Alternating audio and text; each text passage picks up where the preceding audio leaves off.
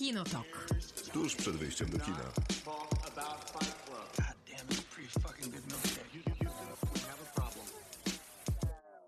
Spotykamy się dzisiaj w studiu wyjątkowo, może nie wyjątkowo, bo to miesiąc przed nami, więc zaczynamy, Zaczynamy wyjątek. bez Krzysztofa, Tak. którego pozdrawiamy. który Zerwaliśmy na, się ze smyczy. Dokładnie, który na zasłużonym urlopie i ten urlop będzie długi, to będą przynajmniej cztery spotkania w takim kameralnym gronie, czyli ja, Miłosława Bożek i I ja, Maciej Stasierski.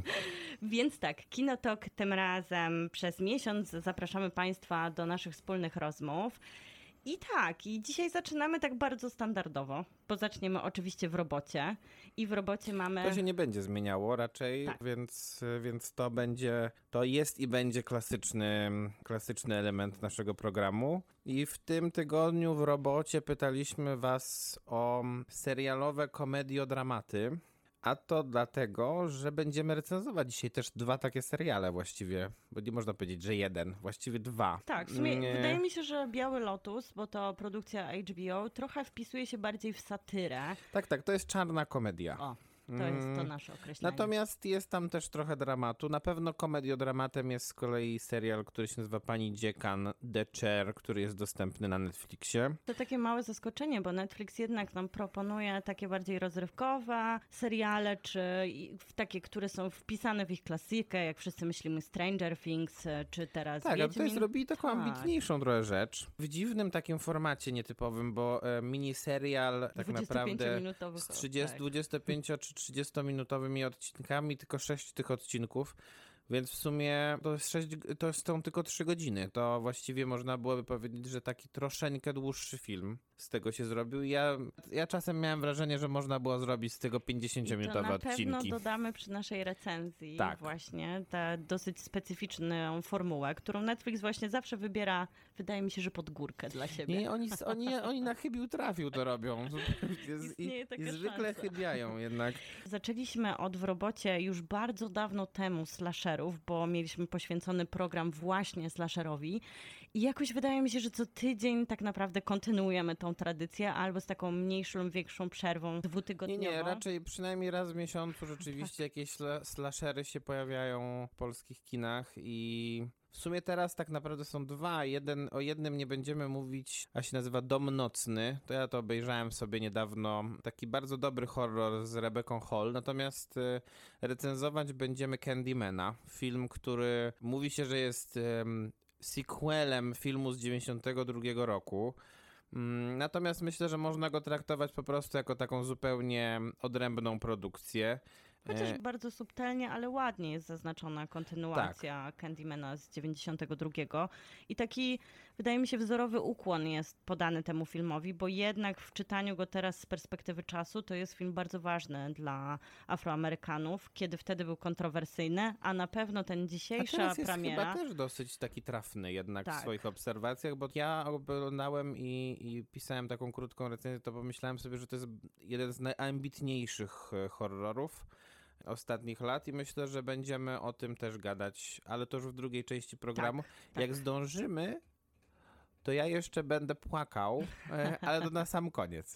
To może nie zdradzajmy, nie spoilerujmy, Dokładnie. bo jak się nie uda w tym tygodniu, to na pewno się uda za Którym tydzień. się uda, że będę się kompromitował płaczem. Kinotok. Tuż przed wyjściem do kina.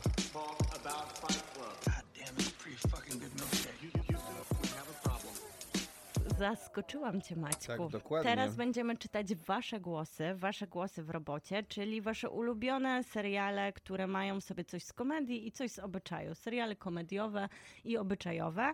I zaczniemy od głosu Jakuba, BoJack Horseman. Czy trzeba coś uzasadniać? Kreskówkowe arcydzieło Netflixa, które bawi i wzrusza na wielu poziomach oraz wyśmiewa absurdy świata filmowego.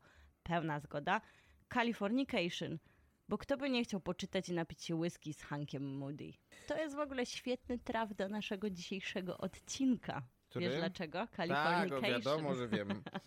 Wiadomo, że wiem, bo Californication to przecież e, David Duchowny. e, tak naprawdę druga chyba wielka produkcja serialowa Davida Duchownego Mhm. po oczywiście X-Files, czyli z Archiwum X. I y, jest pewnego rodzaju nawiązanie w The Chair.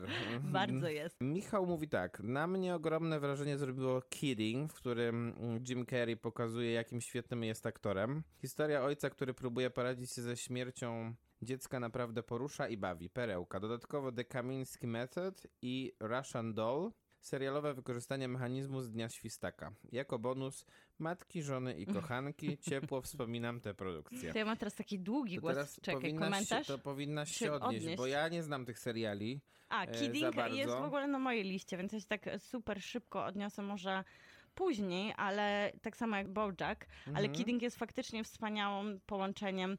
Wydaje mi się, że dużo bardziej gorzkiej komedii, bo dotyczy, dotyczy też trochę tego, co sam aktor przeżywał w życiu, w swoim realnym życiu, bo pamiętajmy, że gwiazdy Hollywoodu też e, takie życie posiadają i aktor, który jest aktorem Co zawsze komediowym, nas zaskakuje.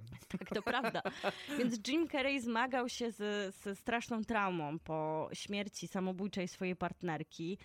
Chorował na depresję i oficjalnie o tym mówił. I Kidding tak naprawdę też pokazuje bohatera, który ma dokładnie ten sam zawód, bo jest komikiem i też zmaga się z depresją, ale robi to błyskotliwie i fantastycznie, więc jest spora dawka humoru w dosyć tragicznej opowieści. a Tak, matki, a- żony i kochanki, ty się nie odniesiesz? Ja się, no dlaczego? To jest wspaniałe. Ja uważam, że to jest naprawdę wyśmienity serial. Mm, przypomnę, że e, Juliusz Machulski kiedyś robił dobre rzeczy, a teraz już nie robi tak dobrych Wspominaliśmy rzeczy. w zeszłym odcinku, jak Tak. wiele dobrych rzeczy mu się udało I to zrobić. była jedna z tych dobrych rzeczy. Ten serial z tą słynną czołówką, gdzie te, gdzie te cztery chyba bohaterki e, kończą szkołę pielęgniarską i, i potem ruszają w życie. E, zwykle jednak związane ze związkami z mężczyznami. To ja mam tutaj długi głos bardzo od Bardzo proszę. Iwo. Mój ulubiony obecnie serial Insecures is Real, to możemy oglądać O, ten serial na ja z kolei. HBO. To według mnie świetne połączenie komedii i dramatu. Główna bohaterka jest 30-parokilkuletnia, mieszka w Los Angeles, ma problemy z facetami, rodziną, pracą, kasą, mieszkaniem, a nawet z najlepszą przyjaciółką. Jej życiowe perypetie są przedstawione w dość zabawny sposób, nie tracąc jednocześnie na swoim dramatyzmie, a jej mieszkanie jest naprawdę brzydkie. Sam tytuł serialu odbiera... No się śmiejesz? No to, To jest prawda, bardzo jest ładne. brzydkie to mieszkanie Jest. i rzeczywiście ma problemy absolutnie ze wszystkim. Dokładnie. Sam tytuł serialu odbieram trochę przewrotnie, bo pomimo tylu wyzwań i trudnych doświadczeń, radzi ona sobie z tym wszystkim całkiem nieźle. Nie poddaje się, nie traci hartu ducha i często prezentuje swój szorstki, piękny, śnieżno-biały uśmiech. Natomiast królem komediodramatu jest dla mnie BoJack Horseman, gdzie uśmiech miesza się ze smutkiem, zażenowaniem czy współczuciem. No i myślę, że to są trafne też Bardzo, wybory. Bardzo oczywiście. trafne wybory. U mnie za to jest głos krótki i myślę, że super kontrowersyjny. Mianowicie Marek pisze, że dla niego dobrym komediodramatem jest Rodzina Soprano. Tu dobry cytat na tę okazję. Jestem jak smutny klaun, śmieję się na zewnątrz, płaczę wewnątrz. E, obawiam się, że e, nawet twórcy Rodziny Soprano by się nie zgodzili, że są komediodramatem. Jednak to jest jednak... No to jest jednak kino oparte na motywie gangsterskim, oparte na motywie mafijnym, oparte na motywie rodziny mafijnej. Oczywiście są tam elementy, które spokojnie mogłyby się do tego, mm, do tego w, ten, w ten gatunek wpisać. Ale bardziej to jest, Obyczaj. jeżeli to już jest, jeżeli to już Mhm. jest, e, jeżeli by e, brać pod uwagę to, co my zaproponowaliśmy, to jest to bardziej dramat obyczajowy. Na pewno nie jest to komedia. Tam są takie elementy, które oczywiście są są, ironiczne, prawda? ale wydaje mi się, że są w każdym dobrym scenariuszu, Tak. a Teo reprezentuje Soprano, po prostu fantastyczny Wiadomo. scenariusz, który się nie zestarzał przez lata. Soprano jest bardzo obyczajowy, bo chociaż mamy tą gangsterską rodzinę, to wszyscy się odnaleźliśmy w tej historii, ale faktycznie jest to głos Maciek kontrowersyjny. No jest. Katarzyna, zdecydowanie Afterlife i Ricky Gervais w roli głównej. Wredny skurczybyk próbuje poradzić sobie ze śmiercią żony i jak mu idzie, każdy widzi. Plus masa fajowskich gagów i sytuacji. Nie lubię seriali tego typu, ale to było warte uwagi. No i Krzysztof by powiedział I zgoda ja też i my też zgadzam. mówimy zgoda. Mhm. Mhm. Mhm. E, pierwszy tego typu serial, pi, mówi, pisze Rafał, jaki pamiętam, to Californication. Pamiętam, że w czasach studenckich nieźle się na nim bawiłem i aż do momentu, e, e, aż do pewnego momentu trzymał przyzwoity poziom. Nie wiem do którego momentu, ale no to już zostawmy. Ja wiem o co chodzi. To trochę tasiemiec był w pewnym No momencie. tak, bo to chyba się Tak, zrobiło się nagle zaczął już kręcenie troszeczkę. na Mhm. siłę kolejnych i kolejnych i, I taki kolejnych powtarzalny sezonów. się jednak zrobił ten motyw. Oprócz tego Olive Kittredge, to chyba to miniseria HBO z Tak, Frances i to jest McDormand. bardzo kontrowersyjny głos. Bo to nie jest bo to nie komedia. jest komedia. Absolutnie, to jest strasznie smutne i takie bardzo... Piękny serial obyczajowy. Ale bardzo dołujące jednak i... Tam jest nadzieja, Maciek, tam jest nadzieja. No dobrze, ale w, ka- w każdym razie jest znakomita na pewno. W dodatku jeszcze tak, Frances McDormand na małym ekranie, więc Frances to już, McDormand, to już Richard dokładnie. Znakomity, u nas chyba ciut Murray. rumuński Umbre. Dobrze to czytam? Chyba tak, bo ja nie znam. Nie znasz. W cieniu, żyć, Shame, szwedzki, shame. szwedzki Gusta i Fargo. I Fargo myślę, że jest najlepszym trafieniem oczywiście, bo to jest właśnie, to jest właśnie taki, taki dramat, którym jest super dużo komedii. Ale Dla- mało obyczajowy. Mało obyczajowy, no bo też w tym się nie specjalizowali ani bracia Coen, którzy tworzyli oryginał filmowy, Oni zrobili podobnie ani jak... Noah Hawley, który raczej chyba się specjalizuje w zupełnie innych tematach. To prawda i wydaje mi się, że to jest to podobieństwo do Białego Lotosu, że to bardziej satyra jednak Fargo. Tak, tak. No Ale to dobry bardziej traf. satyra, brutalne kino, e, brutalny serial, świetnie obsadzony, więc tutaj wszystko się zgadza. E, Nawet No Martin zwykle- Freeman, którego nie za bardzo lubię, tam Bardzo sobie się dobrze sprawdza, radzi, więc... tak. I było to zaskoczenie z perspektywy serialowej, bo wydawało się, że to jest film, którego nie da się przepisać na język A potem się seriali. okazało, że da się na Tak. 5-4 sezony tak, na cztery i sezony. No ale z tego trzy zupełnie już są tak. tak. Mhm. No i bardzo jak zwykle dziękujemy za wszystkie głosy naszych słuchaczy i też zapraszamy, żeby zawsze do nas pisać, bo bardzo rzadko się zdarza, żebyśmy nie przeczytali wszystkich waszych głosów. Pozdrawiamy naszych słuchaczy. No i zaraz nadejdzie czas na nasze, już oczywiście ograniczone, bo jak zwykle dziękujemy, ale też trochę jesteśmy rozczarowani, że kradniecie nam. Nie no, dajcie spokój. No przecież y, tutaj można byłoby jeszcze poczytać, ale no trzeba też nam Trzeba dać się żyć, powiedzieć, trzeba nie? żyć. Kinotok. Tuż przed wyjściem do kina.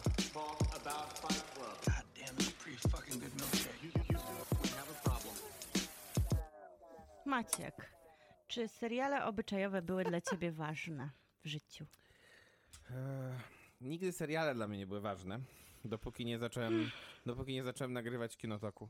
No ale czekaj, to jest nieprawda, bo jak teraz cię zapytam o seriale, które sobie tutaj wymieniłam jako klasyki, Mhm. odpowiadając na kontrowersyjną tezę, że Soprano jest komediodramatem, Okej. stwierdziłam, że na pewno znajdą się jakieś klasyki komediodramatyczne i to jest Przystanek Alaska dla mnie. Nie oglądałem nigdy. Naprawdę? Mm, Wydawało mi się, że wszyscy się wychowaliśmy na Przystanku Alaska. no, Bo on to- też y, powie- leciał w telewizji po tak, prostu. tak, no ja jednak, ale to w latach 90., prawda? Tak, tak. Ja wtedy bardziej jednak Dr. Queen oglądałem. A, Kocha- to, a ko- to nie jest komediodramat. Całym sercem jestem z Dr. Queen, ale to nie jest komediodramat. Tam mało komedii było. Dużo Raczej- morału. Znaczy dużo dramatu i tak, właśnie takim wartości edukacyjnych. O rodzinne też, fundamenty. też solidnie dużo rasizmu wobec, wobec, um, wobec amerykańskich, jakby... Wobec możliwie wszystkich mniejszości. Wszystkich mniejszości, a szczególnie tych takich natywistycznych, jeśli chodzi o Amerykę. No bo Sali nie był Indianinem. Niezbyt. ale, ale udawano, że był. No to... Tak, no ale przystanek Alaska ja bardzo, bardzo kocham i wracam w takie zimne dni, Polska, zima za oknem i wtedy przystanek Alaska tak świetnie działa, jak taka ciepła herbata i jak dobra, gruba zimno. kołdra. Oczywiście chodzi też o to, że to pasuje jak najbardziej do Antruan za oknem, ale też chodzi o to, że to jest po prostu bardzo ciepły i czuły serial, który właśnie Mm. potrafi przeplatać poczucie humoru, błyskotliwy scenariusz i bardzo ciekawe postaci. Takie troszkę poza Ameryką, bo jednak to był taki amerykański serial opowiadający o takiej bardzo hermetycznej, małej grupie Mhm, ludzi. mhm. No i ja jeszcze bardzo lubię Gilmore Girls, czyli Kochane Kłopoty, które odkryłam już jako dojrzała kobieta. I odkryłam je od razu w pakiecie wszystkich sezonów. Jest to bardzo, Wow. bardzo, bardzo narkotyczne doświadczenie, ponieważ się uzależnia mojego- od tego. Brzmi jak przypomnienie mojego wyzwania, którego już nie zdołam na pewno wypełnić. Możemy tego nie wspominać Nie na przykład. wspominajmy. Owiejmy to ciszą. Dobrze. No to dobra, to może te współczesne tytuły teraz. Co tam masz wybrane? Ja Komediodramat, to, na, przypominamy. to, co na pewno, to co też pisali nasi mm, e, słuchacze, czyli Fleabag, Phoebe Waller-Bridge, to jest na pewno komedia. Na pewno też dramat. I na pewno troszkę satyra. I na pewno dużo obyczajowych rzeczy, więc wszystko się tutaj zgadza. Przy okazji jest to nieprawdopodobnie błyskotliwa rzecz. Szczególnie sezon numer dwa, gdzie występuje Hot Priest, grany przez Andrew Scotta, co jest, co jest absurdalnie inspirującym castingiem. I E, Olivia I Colman. Olivia Colman jako, e, jako Zła macocha. druga żona, tak, macocha, jest takim, takim uosobieniem takiej pretensjonalnej, zainteresowanej sztuką przez duże S e, osoby z Które potem- troszeczkę lepszy, troszkę wyższej klasy średniej. Który pod uśmiechem maskuje nóż. Tak, dokładnie i wybija go rzeczywiście Zawsze w plecy. Zawsze, I zawsze z satysfakcją, więc, więc to jest na pewno to. Myślę, że te, te dwa następne będą może trochę kontrowersyjne, bo nie wiem, czy to jest To jest dzi- dzisiejsze słowo odcinka. dokładnie. Bo mm, ja bym powiedział, że to jednak jest trochę komediowe. W sensie na pewno ja się dużo śmiałem, oglądając niektóre odcinki Sześć stóp pod ziemią. Czyli klasyka. Jednak jest to klasyka, tak? I jest to To jest seria... kontrowersyjne. No bo jest to niezabawny serial do końca, Nie. ale jednak dosyć, ale jednak taki czuły i pod względem obyczajowym na pewno bardzo ciekawy, bo, e, bo pokazujący ludzi w bardzo specyficznej sytuacji życiowej, bo przecież ta rodzina zajmuje się chowaniem zmarłych, e, bo prowadzą ten dom pogrzebowy. I jest to wspaniały serial, jeden pewnie z najlepszych, jaki powstały w, myślę, No tak, mm, na w pewno- 25-leciu. Na pewno w historii seriali to jest ten, który kształtował telewizję jakościową i jest to jedno z ważniejszych wydarzeń. I to jest też serial, który podobnie jak Soprano udał się na wymiarze wielu sezonów, Tak, tak. co nie jest łatwe. I wydaje mi się, że to broni tą tezę Soprano, że po prostu seriale z bardzo dobrym scenariuszem mają są sobie, za, zawsze są mają sobie mieszanką. wszystko. Tak. Tutaj I- na pewno satyryczny był ten moment otwarcia każdego odcinka, gdzie oglądamy, jak umierają te osoby, które będą w danym odcinku chowane. Dokładnie. e, Alan Ball to jest twórca tego serialu. Też przecież twórca ym, True Blood. True Blood, czyli Czystej, Czystej Krwi. serialu, który myślę, że też można byłoby pewnie w jakimś sensie zaliczyć do satyry bardziej niż do, Do satyry na do pewno. komediodramatu. Mm, Natomiast ja go po prostu nie lubię, więc, więc o nim nie rozmawiamy. Ja go kocham, jest to fantastyczna satyra. Satyra od początku gatunkowa, bo wyśmiewa wampiry, po satyrę na małe amerykańskie miasteczka, na małą miasteczkowość, na podejście do religii, na konkretne stany, które wyśmiewa. Tam naprawdę oni nie zostawiają jeńców, jeżeli chodzi o dr- drwinę. Pierwszy sezon serialu, o którym powiem za chwilę też e, myślę, że nie zostawiał za bardzo jeńców i, i był bardzo dobrym, bardzo dobrym komediodramatem, a nazywał się Gotowe na wszystko, czyli Desperate Housewives. Wspaniały serial. Ten serial się psuł z, z sezonu na sezon, z miesiąca na miesiąc, tak, z tygodnia na tydzień. Ale pierwszy sezon i myślę, że kawałek jeszcze drugiego, w którym jest znakomita intryga dotycząca, dotycząca jakiegoś człowieka, który, który Taka jest Agatha więziony w, tak, więziony w piwnicy. To była naprawdę świetna telewizja, a to było myślę, że dobrych 15 lat temu już. Ja też e, bronię ten serial, dlatego że HBO wtedy kreowało telewizję jakościową, a to zrobiła kablówka ABC. Tak, dokładnie. I wydaje mi się, że to był pierwszy krok w pokazaniu, że da się też robić błyskotliwe, ciekawe i fajne produkcje telewizyjne, takie stricte kablówkowe. I gotowe na wszystko były tym przykładem, że zatrudniamy ciekawe aktorki, które Tak, już mają lepszy status. To też było ważne. Wydaje mi się, że, że to był jeden z pierwszych takich seriali, w którym e, te główne postaci, oczywiście poza Seksem w Wielkim Mieście, który był mniej Mhm. więcej trochę wcześniej. I to było HBO. Tak, w, w którym te główne postaci grały cztery naprawdę charyzmatyczne kobiety. I który, albo nawet pięć właściwie, bo ta piąta często się zmieniała, bo tam w pewnym momencie zrezygnowano z niektórych bohaterek na rzecz innych. To były raczej stereotypy i to były raczej takie archetypiczne postaci, ale z drugiej strony, no jest to serial, który wypromował gwiazdy. Yy, Myślę, że szczególnie Felicity Huffman, o której teraz trochę już się nie mówi z różnych powodów, bo ona była tam zamieszana w pewną aferę dotyczącą przekupywania dziekanów różnych uczelni, żeby, żeby jej dzieci mogły pójść do lepszej szkoły. Dokładnie tak.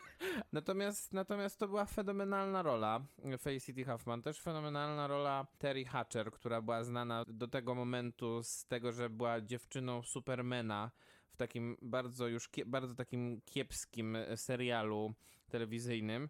Więc, e, więc to jest, myślę, całkiem do wybronienia taki ten wybór. Szczególnie ten początek tego serialu, który naprawdę jest, e, jest wyśmienity. No i serial, który, do którego ja często wracam i który jest bardzo dobrym połączeniem na pewno komedii, dramatu, a przy okazji wpisuje się też gatunek kryminalny. I ten serial się nazywa Detective Monk. To jest oczywiście serial, którym główną grę gra taki aktor Tony Shalhoub. I jest to facet, który został wywalony z policji po tym, jak e, nie mógł sobie poradzić ze śmiercią swojej żony i przez kilka sezonów próbuje rozwikłać e, zagadkę śmierci swojej żony, a przy okazji rozwikłać napotykane przez siebie zagadki kryminalne. Jego jakby cechą charakterystyczną jest to, że on ma nabytą nerwicę natręctw, która większość jego sytuacji związanych właśnie z rozgry rozgryzaniem tych, tych zagadek tworzy je problematycznymi.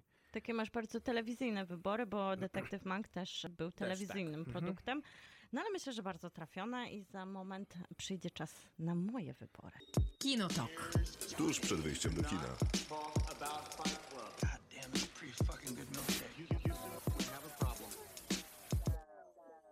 To wracamy do komedii obyczajowych i ja mam tak.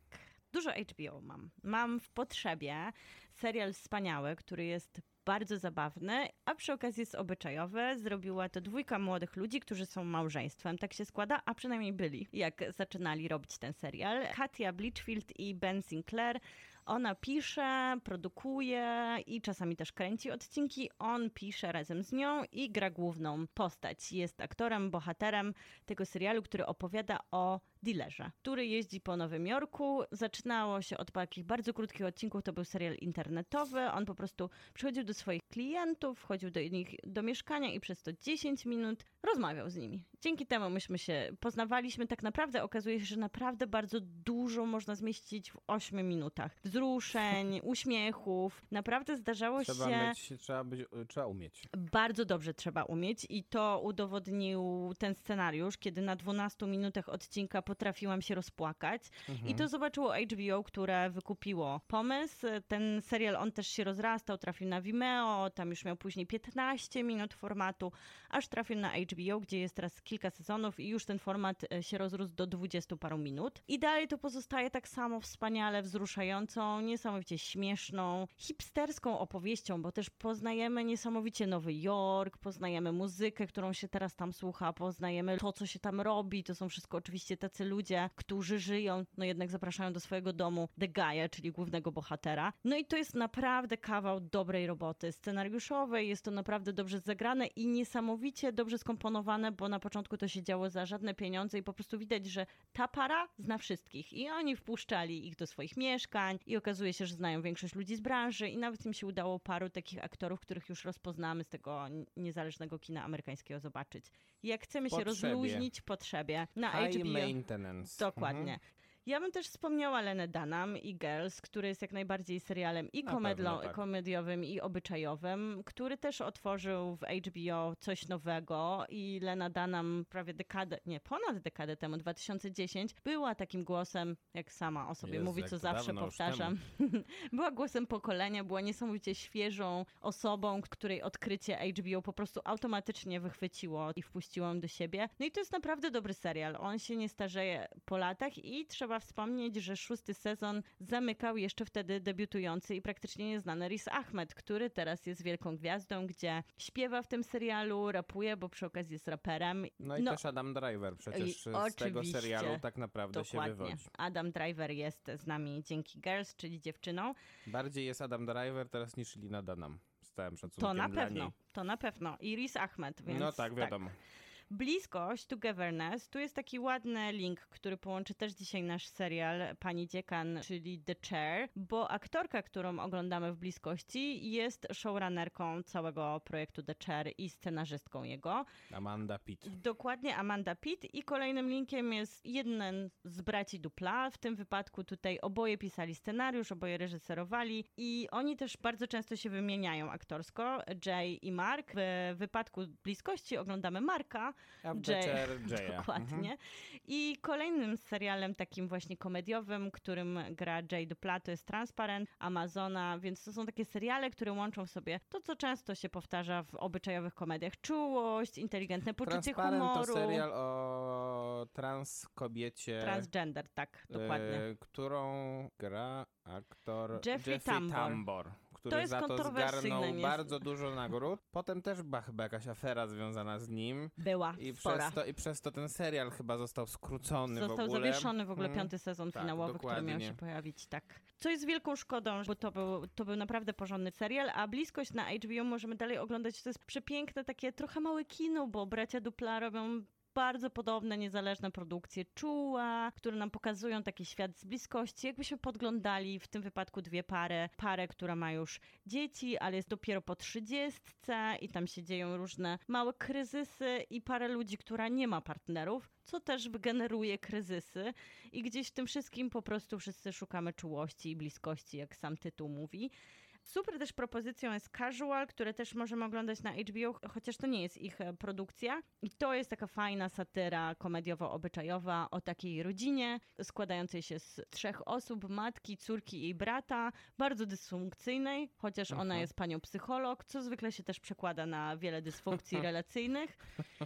I No oni tak. starają się sobie poradzić w swoim życiu, a wszyscy mają podgórkę z różnych powodów. I cały czas to jest taka drwina właśnie z tego, co, co znamy z takich obyczajowych komedii telewizyjnych. Więc te wszystkie tam czułostki, które oglądaliśmy na naszych ekranach telewizorów, tu są przerobione w takie małe hamstewka bardziej w odpowiedzi na Bo to. zwykle komedie telewizyjne, nawet te obyczajowe, to były raczej obyczajowe niż komedie. Tak, dokładnie. Mm, Przez to nie było tam zbyt dystansu za dużo i, i bardziej to się przeradzało zwykle w takie tasiemcowe już rzeczy. Dokładnie. e, Takie, takie rodzinne opowieści, tak, które tak. zwykle się skupiają na tych małych bolo Bo albo, to, albo były rzeczywiście ostre komedie, nawet, bo, nawet, bo nawet przecież telewizja taka kablówkowa amerykańska potrafiła robić komedie dobre. No tak, właśnie E, mówiliśmy na przykład o tak. Desperate Housewife. Dokładnie, natomiast y, ten, ten gatunek komediodramatyczny nie jest taki łatwy do, do robienia przez, przez telewizje kablówkowe, bo one lubią jednak się wcisnąć w jeden gatunek.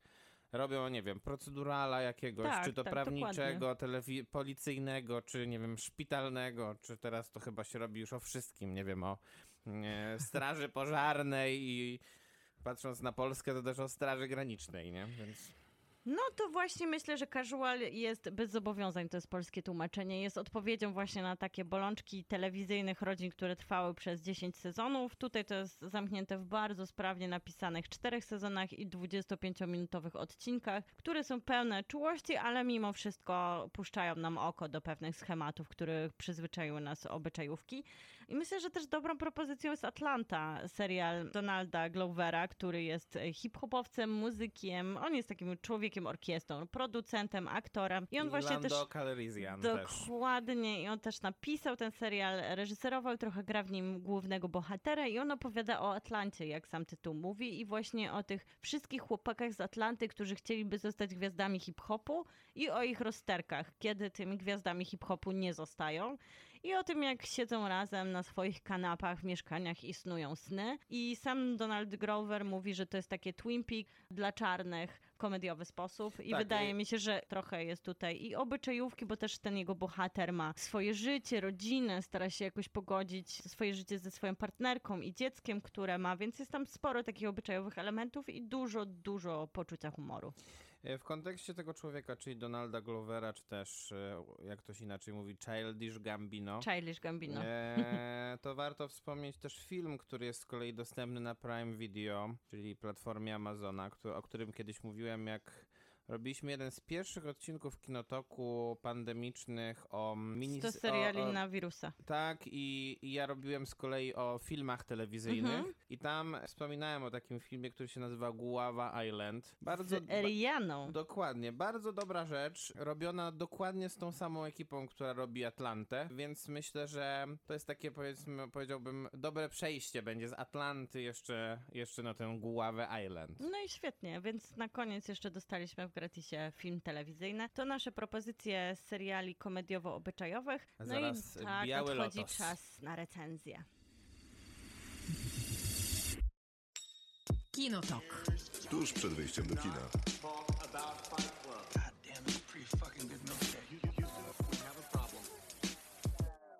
Wydaje mi się, że HBO działa już tak bardzo intuicyjnie, że ze średnią przerwą tygodnia, dwóch wypuszcza nowy serial i niekoniecznie jakoś szczególnie go reklamuje. I właśnie tak było z Białym Lotusem. Lotosem. Z Białym Lotosem. Bo White Lotus, e, Biały Lotus, Tak, Lotos mi się teraz mylą. Tak było z tym serialem, że on niekoniecznie zdobył jakiś szczególny rozgłos. Pojawił się w tym okresie wakacyjnym, który serialowo jest trudny, bo tym głównym czasem, na który działają platformy, to czas jesienny, kiedy tak naprawdę już jesteśmy po wakacjach wszyscy. Tęsknimy trochę za naszą kanapą, pogoda nie sprzyja i odwracamy się ku naszym domowym nośnikom i ekranom. Czasem tak naprawdę dobrym dla seriali było kiedyś lato, kiedy oglądaliśmy Grę o Tron, kiedy działy się duże rzeczy na ekranach. No i dostajemy taki mały serial, który, uwaga, uwaga, mam świeżą informację, miał być miniserialem zamkniętą historią. Ale już wiadomo, że nie będzie. Ale już wiadomo, że po tym jak zdobył przychylne recenzje krytyki, bo to jest głównie w tym momencie to, co działa na korzyść tego serialu. Myślę, że dopiero widzowie się do niego odwrócą, kiedy on teraz czeka w całości na platformie HBO. Informacja jest taka, że HBO zdecydowało się popularności tego serialu dać Mike'owi White'owi taką możliwość do opowiedzenia teraz takiej antologii, ale wspólnym mianownikiem dla niej będzie ten hotel. Tak, I w tym wszyscy- hotelu bo- będą się teraz działy nowe historie. Bo właśnie o tym trzeba powiedzieć. To Biały Lotos to jest White nazwa chu- kurortu, czy tego hotelu, który, no chyba można powiedzieć kurortu właściwie. Tak, tak, myślę, że można. e, do którego zjeżdżają tak naprawdę trzy takie e ekipy, że tak powiem, tak? Jedna duża rodzina, której jakby głową rodziny jest prawdopodobnie pani, która jest CEO jakiejś, jakiejś dużej korporacji i ona cały czas tak naprawdę pracuje podczas tego wyjazdu. Druga to jest para nowożeńców, którzy przyjeżdżają na swój, mies- na swój Miesiąc miodowy. podróż poślubną, miesiąc miodowy. Znaczy mają tu rozpocząć swój miesiąc miodowy. No i trzecia to jest z kolei samotna kobieta, która przywozi um, Prochy swojej matki. swojej matki. Które się chce z nią pożegnać na tym wyjeździe. Tak. Chciałaby też jej znaleźć jakieś odpowiednie miejsce, by te prochy To są te em, trzy po prostu. Trzy grupy ludzi, którzy przybywają do tego kurortu i to jest jakby jedna strona medalu. Druga strona medalu to są pracownicy lub mieszkańcy tego miejsca, ale głównie jednak pracownicy, którym dowodzi Armand. Armand, Czyli tak, który kierownik ośrodka. jest kierownikiem ośrodka. Jeszcze chyba taką najważniejszą są, która pracuje w samym ośrodku, jest pani, która jest kierownikiem salonu spa, Tak. również masażystką i tak. I oglądamy takie... I to- wszystko to się dzieje e, na Na Hawajach, Hawajach, tak. więc, e, więc wszyscy do siebie mówią aloha. Generalnie czuć, że atmosfera jest dosyć swobodna, ale mam wrażenie, że no, można byłoby tam zawiesić e, siekierę e, z powodu napięcia, jakie występuje właściwie pomiędzy każdym możliwym zestawieniu tych postaci. Wydaje mi się, że w ogóle ciekawym tropem jest zaczęcie od tych wakacji, bo ten serial był kręcony w 2020 roku, czyli w momencie, kiedy pandemia koronawirusa była nam już wszystkim znana. No była wręcz I- pe- w pełni... W pełni rozwoju. Rozwoju. dokładnie. I tak naprawdę pierwszy trop, jaki miałam, kiedy zaczęłam oglądać ten serial, bo ten serial dynamicznie też się zmienia, to to, że to jest ciekawy wybór HBO, żeby pokazać nam serial o wakacjach, wakacje, kiedy jednak te pandemiczne wakacje dla wielu nie są przemieszczaniem Nie są się takie. gdzieś daleko jak kiedyś, więc trochę tak się z nami droczą, pokazując nam te Hawaje. Tak, bo tutaj ale nie później pokazują nam Hawajów jednak z maseczkami i tak dalej. Takie przedpandemiczne Hawaje, ale później uświadomiłam sobie, że to jest przebiegłe, bo to są wakacje, które przypominają nam, że nie wszystkie wakacje są udane, że tak naprawdę Często mamy wielkie nadzieje dotyczące naszych wyjazdów, Mhm. ale tam się dzieją trywialne rzeczy. Pokój jest nie ten, który chcieliśmy. Tak. Ludzie, którzy są z nami na tym Są rejsie fatalni, czy okazuje. są naprawdę prędzej naszymi wrogami niż Tak. przyjaciółmi. Mimo, że są w jednej rodzinie. Oczywiście.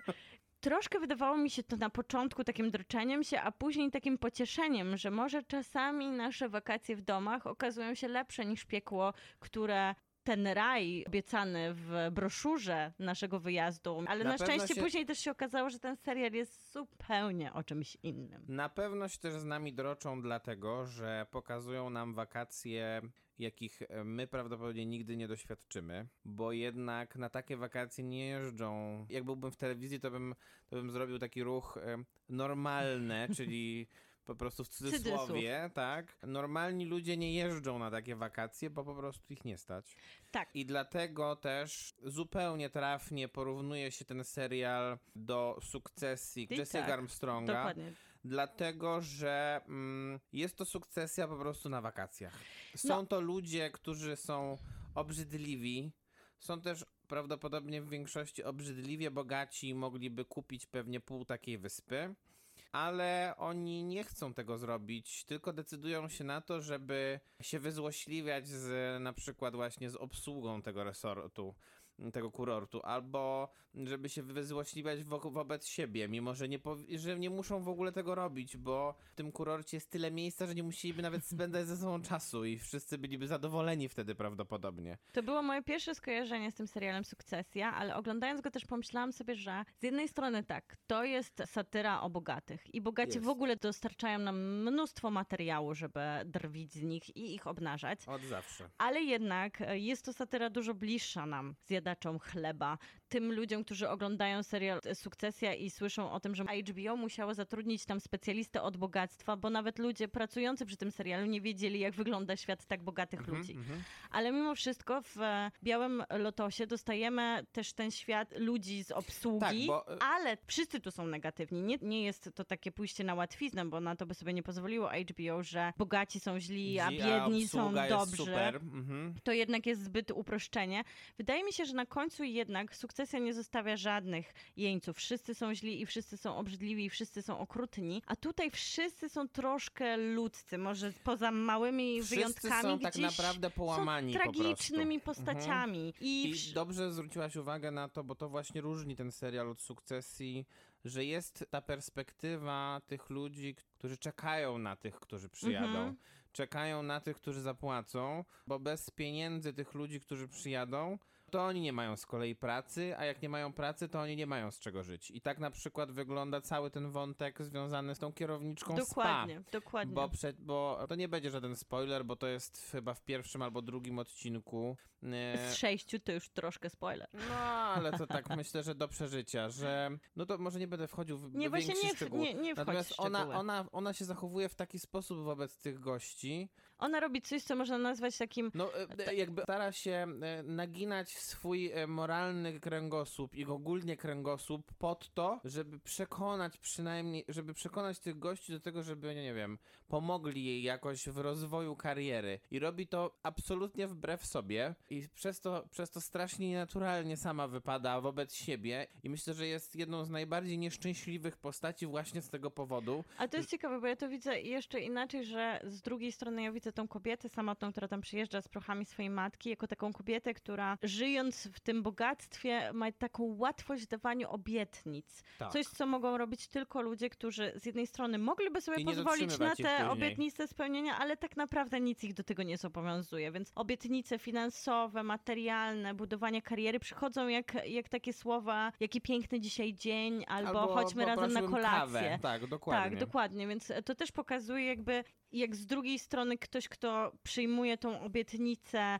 a ma inny status materialny, zupełnie inaczej na nią reaguje. To jest Znaczy, zaproszenie do chwyta innego się- świata, Chwyta tak. się jak em, tonący brzytwy. Dokładnie. No i przez to e, niemalże jakby przekracza granicę takiego nawet wyznaczonego przez siebie pewnie jakiegoś dobrego smaku, czy swoją granicę właśnie moralną, której by nie przekroczył prawdopodobnie nigdy, ale no z drugiej strony jest postawiony prawdopodobnie pod ścianą na tyle mocno, że no musi postawić wszystko na jedną kartę. No bo o tym jest ten serial, jeżeli chodzi o takie podsumowanie ogólne, to na pewno jest o klasowości. On Mhm. obnaża klasowość, głównie w Stanach Zjednoczonych, bo tam bardzo ten serial zadziałał i amerykańska krytyka odpowiadała, że to jest po prostu jedno z ciekawszych spojrzeń, czego sukcesja nie dawała, bo my jednak patrzymy ciągle Sukcesja na... nie pokazuje klasowości, bo pokazuje Ona jedną klasę. tylko jedną klasę i to taki mały procent społeczeństwa, że my tak naprawdę właśnie niewiele o niej wiemy, tylko podglądamy e, i drwimy z niej, bo, efektowne.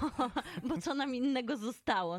A jednak tutaj widzimy różne warstwy, które się ze sobą ścierają i to jest chyba punkt wyjścia dla Białego Lotosu i jako ciekawy komentarz społeczny i właśnie nie taki idący na łatwiznę, w której bardzo łatwo by było po prostu wziąć tych bogatych i ich prześmiać, dając szansę, nadzieję i taką czystość moralną tym, którzy im usługują. Ale jednak to jest dużo bardziej skomplikowany scenariusz i te sześć odcinków tak naprawdę cały czas nami gra. Zapraszam nas najpierw do pierwszego wątku, żeby zaraz jednak zmienić tą sytuację. I oczywiście zostajemy z tą klasowością na koniec, ale może zaraz opowiemy, jak e, wielowarstwowy jest to scenariusz. Kinotok. Serial. Serial Biały Lotos do zobaczenia całości już na HBO. To tylko 6 odcinków. Format oczywiście telewizji jakościowej, czyli około 50-60 minut na odcinek. I tak jak już mówiliśmy w wstępie, no jest to serial, który obnaża ułomności klasowości, ale też obnaża nasze ludzkie ułomności, bo poza tym, że pokazuje różne klasy społeczne, które się ścierają, to pokazuje też ludzi, którzy są tragiczni w większości. I wszyscy są w jakiś sposób niedojrzali i wszyscy są kuriozalni, ale tak naprawdę gdzieś na końcu prawie wszystkich da się obronić. Mhm. E, Pokazuje takie ludzkie oblicze tych wszystkich. Nawet tych wyższej klasy, No, oczywiście, by... na, wa- właśnie, zwłaszcza tych, których wydawałoby Tak, się tak. najłatwiej jest tutaj obśmiać. Nie, najmniej ludzkie to tak naprawdę być, to co paradoksalnie, to najmniej ludzkie finały swoich historii to być może mają właśnie te postaci, które są najbardziej zdesperowane, czyli Mhm. ci pracownicy, bo oni, bo oni przekraczają kolejną granicę i w pewnym momencie już rzeczywiście idą na całość i nie, zawsze, nie, nie zawsze można się zgodzić z ich decyzjami. Ogólnie, szczerze powiedziawszy, z nikim się tu nie da zgodzić. To jest w ogóle bardzo ciekawe spojrzenie na różne pokolenia, bo mamy tutaj też taką grupkę młodych ludzi Tak. i gdzieś to też jest jakiś taki współczesny komentarz do tych pokoleń, które są nazywane przez Z, Y, X. Pokazuje, jak e, oni, którzy zawsze stoją w takiej moralnej wyższości, bo potrafią bardzo ładnie punchline'ować wszystko, jak to trzeba teraz być dobrym, poprawnym, na wszystko akceptującym, tak naprawdę są zupełnie odklejeni od rzeczywistości. Mhm. I gdzieś w takim dosyć małym serialu, sześcioodcinkowym, znajdzie się miejsce na komentarz do wszystkiego. Znajdzie No się też są- miejsce na komentarz do społeczności etnicznej, Tak, która tam zamieszkuje bo- Wyspę Hawajską. Bo jak mówisz o tym, że ci młodzi są oderwani od rzeczywistości, bo e, są wypełnieni właśnie tymi frazesami, takim woke e, podejściem do życia, że rzeczywiście chodzi o to, żeby wszystkie mniejszości miały po prostu najlepiej jak się da, ale to tylko wynika z ich słów, a już nie z działania, to jak zostają skonfrontowani z mm, sytuacją e, tej, e, mniejsz- tej etnicznej ludności, no to tylko jedna osoba podejmie prawdopodobnie decyzję, która można było, którą, którą moralnie można byłoby uzasadnić. Ale też nie do końca. Ale też nie do końca, chociaż z drugiej strony wydaje mi się, że no to, to pokazuje, jak bardzo jest wielki kontrast, jak bardzo jest wielki dystans pomiędzy tymi klasami, bo z jednej strony mm, mamy tutaj super uprzywilejowanych ludzi, z drugiej strony mamy ludzi, którzy, tak jak powiedziałem, no muszą stawiać wszystko na jedną Tak. kartę. I nie ma dla nich wyboru. Po prostu oni są jak polska reprezentacja przegrywająca 0 do 3. No muszą po prostu ruszyć do ataku i zwykle jednak dostają te dwie bramki jeszcze, zamiast e, dążyć do wyrównania niestety, bo dla nich świat już jest prawdopodobnie zbyt daleko, żeby jeszcze go dogonić. Tutaj trochę odpowiadając na ten przykład z meczem, ten serial też jest niesamowity, dlatego że za każdym razem troszkę nas zwodzi i za każdym razem zaskakuje. I w tych sześciu odcinkach wydaje się, że nie ma materiału na takie twisty. To nie brzmi najlepiej, bo kojarzy się nam z czymś To są same takim. twisty. Ale tu są ciągle twisty. To Tu są ciągle twisty. twisty. Mamy sytuację, w której jeden z bohaterów martwi się poważną chorobą i to wydaje się materiałem, który można kontynuować przez sześć odcinków, ale bardzo szybko on dostaje i zupełnie nową informację, która go rozbija na zupełnie inny sposób i Tak, on swój zupełnie jest krzyż niezrozumiałe, on dlaczego krzyż- tak się dzieje z nim, ale jego reakcja jest też doprowadzona do takiego ekstremum, że to jest prawdopodobnie jedna z najśmieszniejszych scen w tym filmie, w tym serialu i prawdopodobnie w związku z tym, że w tej scenie występuje też ten bohater, który, który jest kierownikiem tego kurortu, to to jest moja ulubiona postać chyba. No to jest na pewno bardzo charakterystyczna postać. Bo ten aktor, który go gra, który się nazywa Murray Bartlett, chyba, Tak. tak? Tak, Mm, on, to, on gra to w punkt. Murray Bartlett. On gra to absolutnie w punkt. Po prostu potrafi w jednej scenie pokazać jakiś taki tragizm swojej postaci i tą beznadzieję, która, która się z nią wiąże, bo ten jego bohater jest uzależniony od bardzo wielu rzeczy i z tym tematem sobie zupełnie nie radzi, a z drugiej strony, no, bardziej takiego szarmanckiego, charyzmatycznego człowieka, to, to ze świecą szukać. Ja bym chciała tutaj powiedzieć, że ja chyba nie mam swojej ulubionej postaci, bo moją ulubioną postacią jest człowiek od castingu. Tutaj po O, prostu prawda.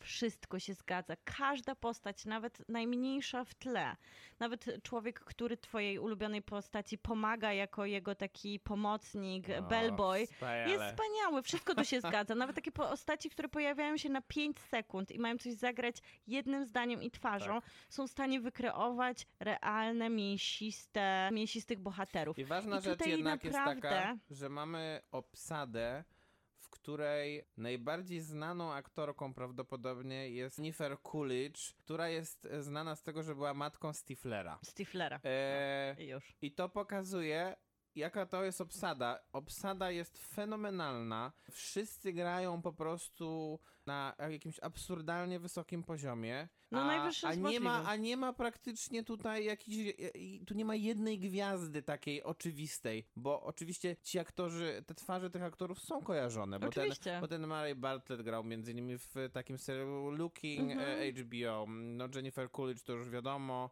Connie Britton to ona grała między innymi Friday Night Lights albo w pierwszym sezonie American Te Horror młode twarze Story. to też są na przykład Tak. Tarantino czy Steve Euphoria. Zahn to jest, e, Dokładnie. to jest też aktor, który znany jest ze swoich No mniejszych ale to jest, to filmowych. jest siła HBO i ich castingu, że oni zatrudniają bardzo często, nie, oczywiście zdarzają się wielkie gwiazdy, ale fajną obsadę, bo po prostu to są dobrzy aktorzy. Nie ma znaczenia jak nazwisko ich wysoko Bo w- stoi w tutaj, liście i tutaj, płac. I tutaj akurat pod, dobre, dobre jest nawiązanie też do sukcesji, bo sukcesja też jest w podobny sposób To obsadzona, jest bo, ogólnie bo, casting to nie HBO. są, bo to nie są jacyś też super znani aktorzy, to nie są gwiazdy z pierwszej strony gazety, no może To poza... są po prostu Tylko wyśmienici, wyśmienici aktorzy. aktorzy i ktoś tutaj w tym wypadku akurat Mike White, który też, który chyba pisze i reżyseruje Wszystko. wszystkie Wszystko. odcinki. To jest e, serial jak najbardziej autorski. Okazuje się, że prowadzi tak, tych wszystko. aktorów w sposób absolutnie genialny. Każdy z nich, tak jak powiedziałaś, ma swoją historię do opowiedzenia i dostaje ją do opowiedzenia w,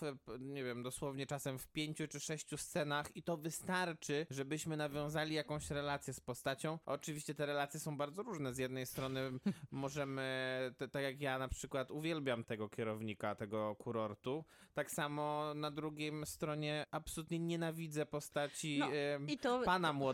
I to tak miało być wygrane, ale to są takie postaci, które jeszcze dla mnie są na tyle charakterystyczne, że mogę zrozumieć, że one tak działają. Ale później mamy takie postaci, które mogłyby być miałkie, jak żona naszego tutaj, no, prawdopodobnie znienawidzonego bohatera przez wszystkich widzów. Ona jest bardzo taką ciekawie rozbudowaną postacią w swojej miałkiej osobowości, którą reprezentuje jako jej bohaterka, a potrafi to wdzięcznie rozegrać na wielu płaszczyznach, więc fantastycznie jest zagrany i napisany ten serial. Kolejną rzeczą jest to, jak ważna jest tutaj muzyka, Tak. która tak naprawdę nie jest tłem. Ona jest komentarzem, ona jest bohaterem całego serialu i ona jest tak jak ten Poczynając serial. od y, czołówki, To jest oczywiście już sceny w samych odcinkach.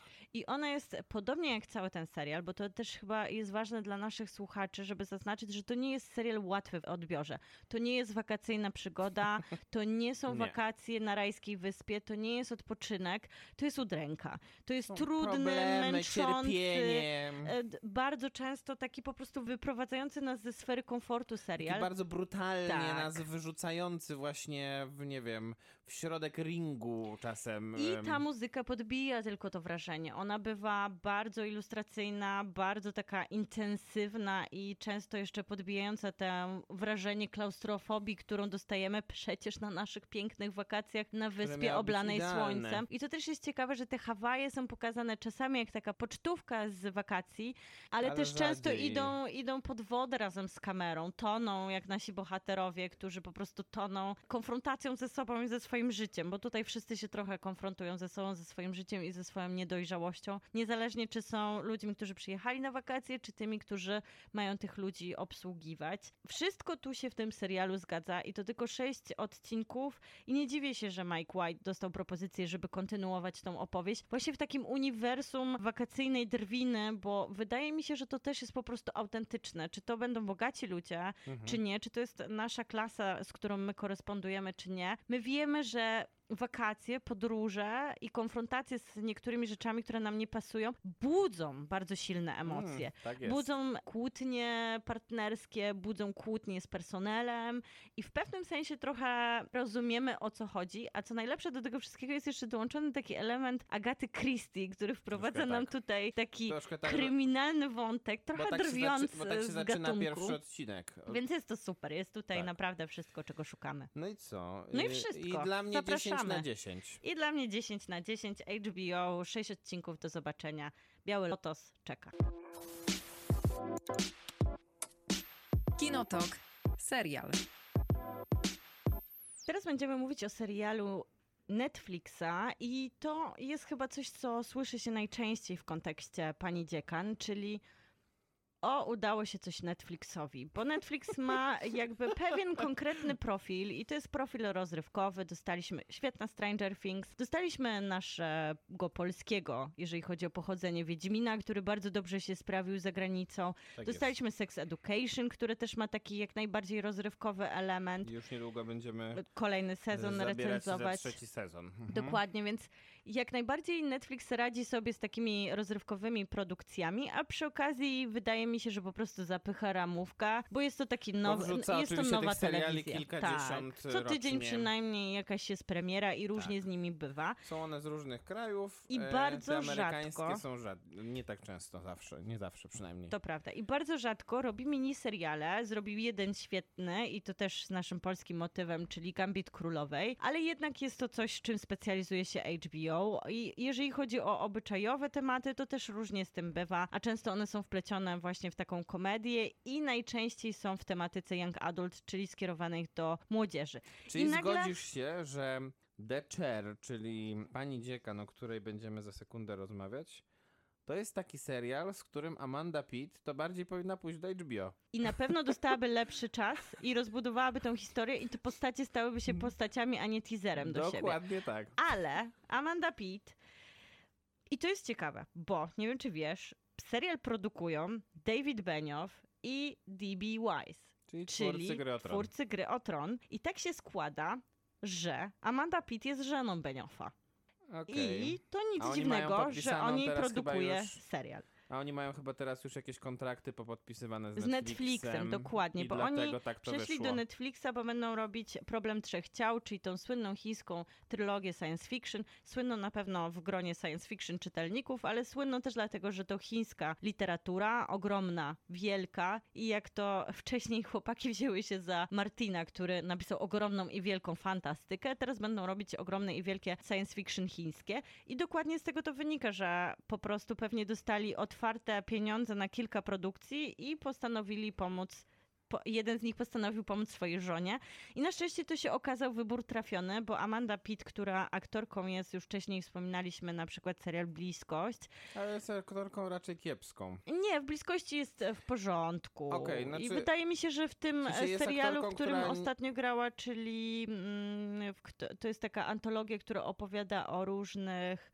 Zaraz sobie przypomnę, w czym ona grała. Grała taką słynną mm, żonę, która w momencie, kiedy rozwiódł się z nią jej mąż, ponieważ chciał się ożenić ze swoją i ożenił się ze swoją sekretarką, to ona w akcie szaleństwa i zemsty go zamordowała. I to jest taka antologia, która opowiada o takich słynnych amerykańskich morderstwach. No Nie- dobrze, nie i tam zagrała ci. całkiem nieźle. Natomiast Amanda Pitt jednak jest bardziej znana z tego, że ostatnio mniej gra niż częściej, więc e, być może miała trochę więcej czasu rzeczywiście, żeby napisać scenariusz. No i napisała I- scenariusz em, i jest też showrunnerką właściwie chyba tego, Jest, jest, tak. tego um, miniserialu The Chair, który opowiada generalnie historię dosyć prostą, bo opowiada historię nauczycieli akademickich w dosyć chyba prestiżowej szkole. Ale to jest fikcyjny uniwersytet. Fikcyjny uniwersytet, nie jest to żaden Pembroke. Ivy League czy coś takiego. Na dziekankę Wydziału Literatury zostaje po raz pierwszy wybrana kobieta, jeszcze w dodatku kobieta e, z azjatyckim rodowodem i grają bardzo Sandra do. Sandra O, czyli aktorka znana m.in. z Obsesji Eve, a wcześniej z No właśnie, bałem się, że nie powiesz, że, że z chirurgów. Z, z chirurgów, tak. Nie mogę, nie mogę sobie przypomnieć polskiego tytułu. Grace Anatomy, gdyby ktoś myślał ko- kodem Maćka. I oczywiście to wydaje się być proste, y, to wydaje się, to zadanie dla niej oczywiście wydaje się być prestiżowe i niezmiernie hołubiące dla niej i pokazujące też, że ten uniwersytet się zmienia i dopuszcza mniejszości do wyższych stanowisk. Natomiast już na samym początku widać, że ta decyzja po pierwsze prawdopodobnie była podyktowana głównie tym, że ona jest kobietą Azjatką, żeby pewnego rodzaju PR ten uniwersytet mógł sobie robić. Ten serial głównie o tym opowiada. Ten serial opowiada głównie o tym, jak bardzo takie kwestie jak reprezentacja są traktowane w, szczególnie w takich, em, takich środowiskach in, intelektuali, intelektualistów są traktowane w sposób straszliwie powierzchowny. To znaczy, że wystarczy, żeby ta reprezentacja była i nic głębiej nie trzeba robić. No to jest- wystarczy, że, e, nie wiem, dziekanką zostanie Azjatka, jakieś wielkie, ważne przemówienie będzie, e, będzie wygłaszać Afroamerykanka, a ci mężczyźni biali, którzy, którzy dotychczas rządzili się, usuną. I to już jest wszystko odhaczone. Nic więcej nie trzeba robić, nie trzeba, nie trzeba prowadzić tych reform głębiej. I z tym się styka z, i ściera przez cały ten serial mocno bohaterka grana przez Sandrę, grana zresztą znakomicie. To jest, to jest chyba takie klasyczne podsumowanie hermetycznych środowisk, a najlepszym hermetycznym środowiskiem do prześmiania jest uniwersytet. Zwłaszcza z perspektywy tego, że scenariusz razem z Amandą Pitt e, pisała Annie Weinman, która jest naukowczynią z Harvardu i ona przeniosła na scenariusz swoje własne doświadczenia, czyli po prostu ageism, nepotyzm, szowinizm i wszystkie te bolączki, które na tych zamkniętych uniwersytetach, czy to są właśnie te największe, czy te najmniejsze, funkcjonują. Więc z jednej strony Wszędzie patrzymy na tą na tą biurokrację, która właśnie w dobie 2021 stara się być poprawna, ale to nie zmienia układu i struktur, które w niej panują. Tak. Więc tak naprawdę ta nowa pani dziekan nie może nic zmienić, bo pod nią te wszystkie struktury funkcjonują jak funkcjonowała. Ona jest po prostu... I nad nią, bo przecież Tak. e, rektorem Dokładnie. jest już jednak Ona jest bi- pionkiem. biały, konserwatywny mężczyzna, który w każ- na każdym kroku stara się jej uprzykrzać życie. Z drugiej strony trzeba też powiedzieć, że to jest bardzo dobrze napisane. Czekaj, no, no, no, skończymy, bo ta hermetyczna budowa uniwersytecka pewnie odnosi się do wielu sytuacji zawodowych, Myślę, nie, tak. niekoniecznie tylko na w uniwersytetach. Dokładnie. myślę, że też. Ale coś, co tutaj jest ciekawe, to to są te międzypokoleniowe różnice. To jak traktuje się tych najstarszych pracowników uniwersyteckich. I to może wybrzmiewać nawet mocniej, nie tylko jeżeli chodzi o uniwersytet, tylko w ogóle o to, jak już nie radzimy sobie z komunikowaniem się tych dwóch światów, Tak. bo tu jeszcze są studenci, którzy już mają zupełnie inną perspektywę patrzenia na rzeczywistość i osoby, które funkcjonują dalej w systemie, Mhm. nawet jako zatrudnione osoby i już są zupełnie poza tymi funkcjami, już nie mówię intelektualnymi czy bycia w procesie, bo z tym sobie radzą, tylko ze zmianami na przykład technologicznymi, które się Mhm. pojawiają wokół nich.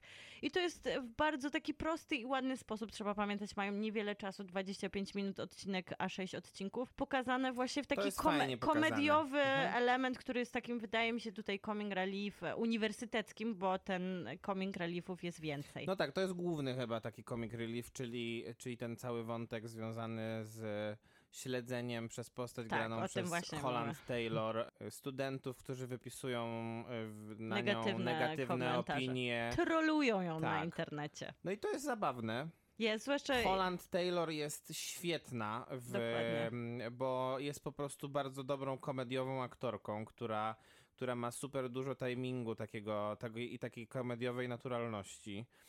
Sandra Oh z kolei e, bardzo dobrze balansuje pomiędzy właśnie humorem a dramatem, bo ta postać, którą gra w chirurgach też już trochę taka była. I Więc... na pewno w Killing Eve taka jej postać była, bo to jest Tak. dokładnie przeniesienie właśnie takiej błyskotliwej, ale chaotycznej postaci, która gdzieś Takiej łączy swoją tak, energię życiową, która nieźle idzie z takimi potknięciami, Mhm. które z jednej strony wydaje się, że uderzałyby w jej inteligencję, ale często ona wstaje, podnosi Tak, się, tak, tak. otrzepuje i wychodzi z tego Ciekawa obronną jest- ręką. Ciekawa jest struktura właśnie tej postaci ze względu na to, że ona z jednej strony powinna być zwiastunem tej zmiany, z drugiej strony ona sama próbuje poprzez takie manewry, y, że tak powiem, taką jazdę, taką e, wojnę podjazdową, pisać się jednak w tę strukturę, którą powinna chyba zwalczać, bo, bo ona została raczej wybrana do tego, żeby ją zwalczać, żeby, żeby te mury y, runęły pod jej rządami, a nie po to, żeby, żeby załatwiać wszystko pod, pod stołem. Ale też to ładnie koresponduje z jej takim chaotycznym życiem osobistym prywatnym. i bardzo fajnym motywem z jej adoptowaną córką, która Oj, jest, bo tutaj mówimy o takim inteligenckim świecie uniwersyteckim, ale chyba największy intelekt reprezentuje małe dziecko, które manipuluje wszystkimi,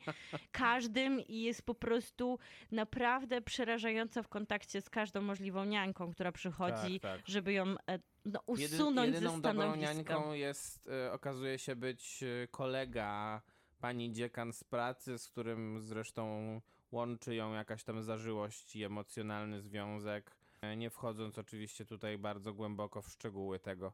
Ja myślę, że tak, jakby ten serial ma dużo zalet, bo, o których już powiedzieliśmy, bo i ma ten, ma dobrze, dobrze napisane te postaci, bo nie tylko te dwie, o Mhm. których wspomniałem, ale też myślę znakomitą postać, którą gra Jay Duplas i który znakomicie ją gra. Wspaniały E, jest. On jest, on jest wspania- wspaniały, bo mi się wydaje, że on poza tym, że jest bardzo chyba poprawnym aktorem, to on chyba wnosi energię swoją, Tak, e, tak, którą tak. ma i wnosi ją na tyle sprawnie, że my zupełnie kupujemy autentyczność tej postaci. W ogóle to jest taki serial, w którym są postaci, których po prostu nie da się nie lubić, a Tak. wręcz nawet trochę się w nich zakochujemy momentami. No poza tym I tym to lektorem jest chyba może. tak, to jest chyba, to jest siła tego serialu, że ona zaprasza w końcu, jak mówiliśmy o Białym Lotosie, to on nas nie zaprasza nigdzie, gdzie chcielibyśmy być i to nie są ludzie, z którymi Tak, byśmy chcieli tak. spędzać czas, a tutaj naprawdę dobrze się czujemy w towarzystwie tych ludzi. Oni nas bawią, wzruszają i po prostu są, są do I z, pokochania. tym, I z tym prawdopodobnie wiąże się największa jego wada, która, bardzo, która jest bardzo widoczna, mianowicie to spotkanie z nimi jest zdecydowanie za krótkie. Dokładnie. No, Bo e, przez to część wątków jest pocięta, pourywana w taki, w taki sposób, że po prostu jedną sceną trzeba kończyć wątki, które można byłoby spokojnie rozpisać bardziej. Wynika to albo z tego, co zostało narzucone przez Netflixa, i tutaj bym bardziej celował w to, bo jeżeli, jeżeli, jeżeli Amanda Pitt potrafiła napisać te trzy godziny w sumie w taki sposób, to następne trzy też by potrafiła napisać tak samo dobrze i prawdopodobnie Netflix jej po prostu na to nie pozwolił. Albo po prostu miał jakieś pieniądze na konkretny projekt i w tym się Mhm. zmieścili, ale szkoda, bo faktycznie, no mówiliśmy o tym, jak syte są postaci w Białym Lotosie. Tutaj wydaje mi się, że zabrakło przestrzeni, żeby je naprawdę nasycić, a z drugiej strony to może miał być po prostu w formacie taki milszy lżejszy serial, na pewno trzeba Ale docenić jeden wybór ambitniejszy serial wybór tak naprawdę Netflixa. z perspektywy Netflixa. No na właśnie. pewno. Na pewno trzeba tutaj docenić jeden wybór i to jest casting Davida Duchownego jako David Duchowny. To, to jest moment, w którym jeżeli moment. się nie śmialiśmy wcześniej, na Tak. pewno się zaśmiejemy. Dokładnie tak. No i jest to naprawdę czuła, taka inteligentna, wrażliwa propozycja i na tyle niezobowiązująca czasowo, że każdy może się z nią zmierzyć, Dokładnie. a jeżeli mamy tylko jedną platformę, jest nią Netflix, to to jest odpoczynek od tego, co dostaliśmy od nich wcześniej, więc pani dziekan, Ja myślę, Dostępna w że całości. e, ode mnie 8 na 10. mm, chciałam dać 7 na 10, ale Możesz dać 7. dam 7. No to dobra. Kinotok. Film. Film. Jak na cały program to tylko jeden dzisiaj i jest to slasher, nasz ulubiony Bo to temat dlatego, od że nie ma miesięcy. Krzysztofa, więc dużo o serialach teraz rozmawiamy. Teraz będziemy Nadrabiamy nadrabiać, zaległości. będziemy nadrabiać seriale, które, Tak. o których nie rozmawialiśmy przez pół roku. No ale nie, to były też seriale, trzeba oddać im honor, które po prostu... Nie By- Krzysztofowi, nie Krzysztofowi. Serialom trzeba oddać honor, że to są seriale, którym Trzeba należały się tak recenzje. jest. tak. A film to Candyman. Candyman, czyli kontynuacja, bo tak naprawdę to czwarty film z serii, ale Czwarty najbardziej... film serii, ale, ale z tego co czytałem, to jednak traktuje się go jako sequel pierwszego filmu, czyli jakby zapominamy o tym, że jakiekolwiek inne były filmy drodze. były. No Mhm. jak z Halloween, które ostatnio wróciło i tak naprawdę wymazało tak. wszystko, co się wydarzyło po no, drodze fani, przez fani, lata. fani nie mogą tego przeboleć. Tutaj chyba z Candymanem tak wielu fanów nie ma, a wszyscy tak naprawdę nosimy w sercu tego Candymana z 92 roku, który Bernard Rose chciał kontynuować, a tam jest opowiedziana historia, która gdzieś tutaj powraca i powraca też e, w wypadku kilku aktorów, zwłaszcza No, głównego, głównego. 哇 który tym Candymanem przez chwilę jest i on też miał w, po wielkim Tony hicie Todd. Dokładnie. Po wielkim hicie 92 on planował opowiedzieć dalej historię miłości Candymana i głównej bohaterki jego filmu, Helen, która powraca tutaj w opowieści, trochę takiej I Legend, też, mhm. tak, a tak naprawdę w tej wersji w 92 była główną bohaterką, która sprawę Candymana Tak, tak. badała i trochę tam między nimi faktycznie była tak, takie, takie dziwne napięcie, które Bernard Rose chciał wykorzystać jako napięcie miłosno-seksualne i opowiedzieć później ich romantyczną historię, no i jednak nikt nie dał mu zielonego światła Grała ją Virginia Madsen, aktorka, którą można kojarzyć między innymi z wyśmienitej komedii, wyśmienitego komediodramatu, że tutaj nawiążę do tematu głównego naszego odcinka, czyli filmu Bezdroża Aleksandra Payna. Wspaniały film, to prawda. Ten film z 92, który wydaje mi się ważny też e, dlatego, dlaczego powstał ten Candyman e, dzisiaj, to był film, który wtedy był bardzo bardzo ryzykowny, bo pokazywał, po pierwsze, pokazywał w końcu i tak naprawdę czarnego bohatera na ekranie w dużej roli, ale też dużej roli Wilana, co niekoniecznie było bezpieczne wtedy. Mhm. A w, zwłaszcza w gatunku, bo w horrorach, jeżeli w ogóle pojawiali się jacyś Afroamerykanie, to byli jednak, to pamiętajmy lata 90., mordowani jako piersi. Pierwsi. Coś, z czego teraz już można się śmiać i wykorzystywać to w horrorach jako żart. Wtedy robi? faktycznie w ten sposób e, działał gatunek i kino grozy. Tam był jednak ten element tego, że ten film zostanie odczytany tak naprawdę na odwrót, bo założenie było takie, żeby jednak to był film manifest. I po latach on się broni jako manifest. Po latach on pokazuje, że to było kino, które staje w obronie Afroamerykanów, a nie tak naprawdę pokazuje ich w złym świetle, ale też on się broni, bo miał niesamowite efekty specjalne. Wizualnie do dzisiaj jest to film, który się nie starzał. Co ciekawe, Tony Todd, ma, tam jest taka scena kultowa, gdzie on ma pszczołę na ustach i tak w ogóle jego twarz się rozpływa. To były faktyczne pszczoły i dostawał tysiąc dolarów za ugryzienie każdej z nich. Zrobił 23 tysiące dolarów tego dnia. Taka mała ciekawostka, ale wydaje mi się, że bardzo ciekawa. Co za koszmar. No ale i- to znaczy, chodzi o zaangażowanie aktora w Zaangażowa- rolę. ale tak. patrz, jak się liczył, to Mhm. bardzo, bardzo dobrze. Dobrze. No i teraz sami Teraz twórcy, powinien, teraz powinien zażądać więcej. ale teraz to już tylko komputerowe No pszczoły. tak, tak. I sami twórcy nazywają to takim duchowym sequelem, bo faktycznie ta kontynuacja gdzieś pojawia się z jednej strony właśnie w tej postaci Helen, która przenika tutaj tą opowieść. Tak naprawdę rozpoczyna całą sekwencję Candymanową. To jej historia pobudza bohatera do tego, żeby zaprosić Candymana z powrotem, z powrotem do tego samego miejsca, w którym się narodził, przynajmniej w tym 92.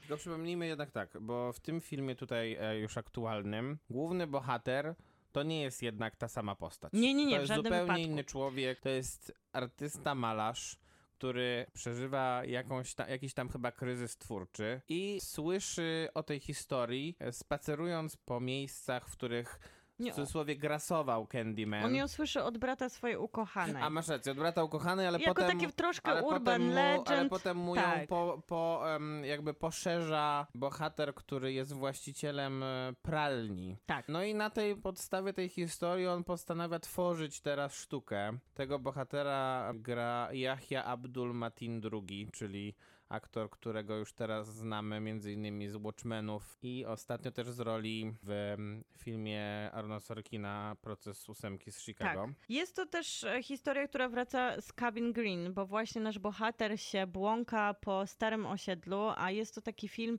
no trzeba powiedzieć, bardzo zaangażowany w różne tematy i gentryfikacja jest jednym z nich. Cabin Green to jest właśnie ta dzielnica, w której w 92 narodził się Candyman i gdzie wszystkie wydarzenia się działy. Cabin Green to jest teraz dzielnica, która zostaje przez białych odbudowana na nowo. Stworzyli odbud- getto, tak. to jest, to jest cytat już w ogóle z filmu. Stworzyli getto, a później je zburzyli, żeby jakby zamaskować to, co sami stworzyli. To Jesteśmy w Chicago. Dokładnie. I tutaj mamy taką nowobogacką dzielnicę, która powstaje na zgliszczach tamtej dzielnicy. Getto świeci pustkami, to są już same opuszczone budynki i właśnie w tej scenerii, dokładnie, sprawdza, czy wszystko jest dobrze, w tej scenerii nasz bohater odtwarza, rekonstruuje historię o Candymanie. No i pobudz, obu, budzi go na nowo właściwie. Budzi go na nowo swoją sztuką głównie, bo jest właśnie, tak jak powiedziałeś, tym artystą w kryzysie i ten motyw zostaje przez niego wykorzystany. Częścią jego wystawy jest lustro i zaprasza ludzi, by wypowiadali te słynne pięć Candymanowych przywołań. Tak, bo trzeba powiedzieć, bo, bo żeby, żeby Candymana przywołać, trzeba powiedzieć do lustra pięć razy jego Imię. imię i on wtedy zaatakuje. Dokładnie tak. No i I teraz to jest chyba... oczywiście element gatunkowy tego filmu. Sprawdza się, powiedziałbym, do pewnego momentu. Plus jest element niegatunkowy tego filmu, czyli ten element związany z takim manifestem dotyczącym, nie wiem, rasizmu, właśnie jak, tak Przemocy, powiedziałaś, policji, gentryfikacji, gentryfikacji. przemocy wobec, wobec mniejszości afroamerykańskiej. Klasowości. To się sprawdza według mnie dużo lepiej, bo to jest po prostu dosyć solidnie zrobione i tu widać rękę prawdopodobnie wielu afroamerykańskich twórców, którzy się do to zabierali. Na szczęście nie było wśród nich Spike'a Lee, który by zrobił z tego prawdopodobnie jakiś taki prostacki manifest, bo Spike Lee jednak lubi stawiać kropkę nad i w taki sposób, że no dziura się robi w kartce. A tutaj zarówno Jordan Peele jako Nia No da Costa chyba... zrobili to troszkę jednak w sposób Mniej dosłowny, No. bardziej taki rzeczywiście inteligentny. No to, to jest najważniejsze, że to markuje nazwisko Jordana Pila, bo Nina de Costa to tak naprawdę jej drugi film, chociaż w Stanach Zjednoczonych ona już jest znana jako takie nowe, świeże, głośne nazwisko. Dobra, to Obstawiam, że to jest jakaś taka pewnie, pewnie to jest taka, nie wiem, jakaś uczennica Na Jordana pewno, protegowana i No. Jordan Peele scenariusz tutaj pisał i ja trochę potem spodziewałam się więcej dystansu i świeżości, bo jednak jego gatunkowe kino, poza tym, że jest manifestem, a zawsze jest, tak było w Tome i tak było w Uciekaj, ma sporo takiego poczucia humoru, zabawy I tak było też gatunkiem. w Lovecrafta. Dokładnie i tak było w krainie Lovecrafta. Tutaj dystansu, poczucia humoru nie ma. Tutaj Nie. naprawdę mamy wykład, to jest głos sprzeciwu i w pewnym sensie dosłownie wykrzyczany manifest. Co ciekawe, co tutaj mi się podobało jako taki zabieg tej świeżości, jest to, że oglądamy horror i slasher, który jest zupełnie pozbawiony przemocy. My tą przemoc widzimy albo z Z daleka, daleka, z Albo w odległości, lustrze.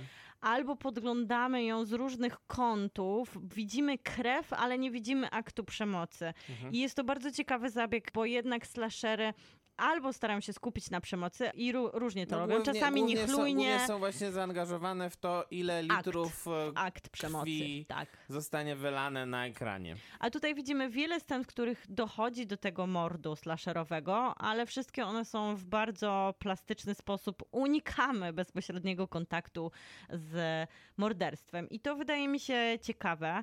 I wydaje mi się też ciekawe, jak tutaj De Costa sobie radzi z tym filmem, bo ona szuka dużo rozwiązań takich e, autorskich. I Mhm. to różnie wychodzi, ale przynajmniej jest to odważne i widać, że jakby reżyserka, która dopiero zaczyna swoją karierę, no stara się pokazać, Tak. że będzie szła swoją drogą i nie szuka tutaj rozwiązań łatwych. Dlatego mówiłem o tym, że jest to na samym wstępie do, do dzisiejszego programu, dlatego właśnie mówiłem o tym, że jest to bardzo ambitny film. I to z wielu powodów. Po pierwsze z tego powodu, o którym wspomniałaś właśnie, czyli z tego powodu, że reżyserka chce pokazać, że ma własny język filmowy i wydaje mi się, że jednak już go ma. On troszeczkę się rozpada w finale, który nie jest najlepszy. Nie jest najlepszy. Mm, Natomiast z drugiego powodu, drugi powód jest taki, że rzeczywiście ten, ten film po prostu razi przekazem niemalże. On jest tak mocny w przekazie, że rzeczywiście dla wielu to pewnie będzie takie płytkie i błahe.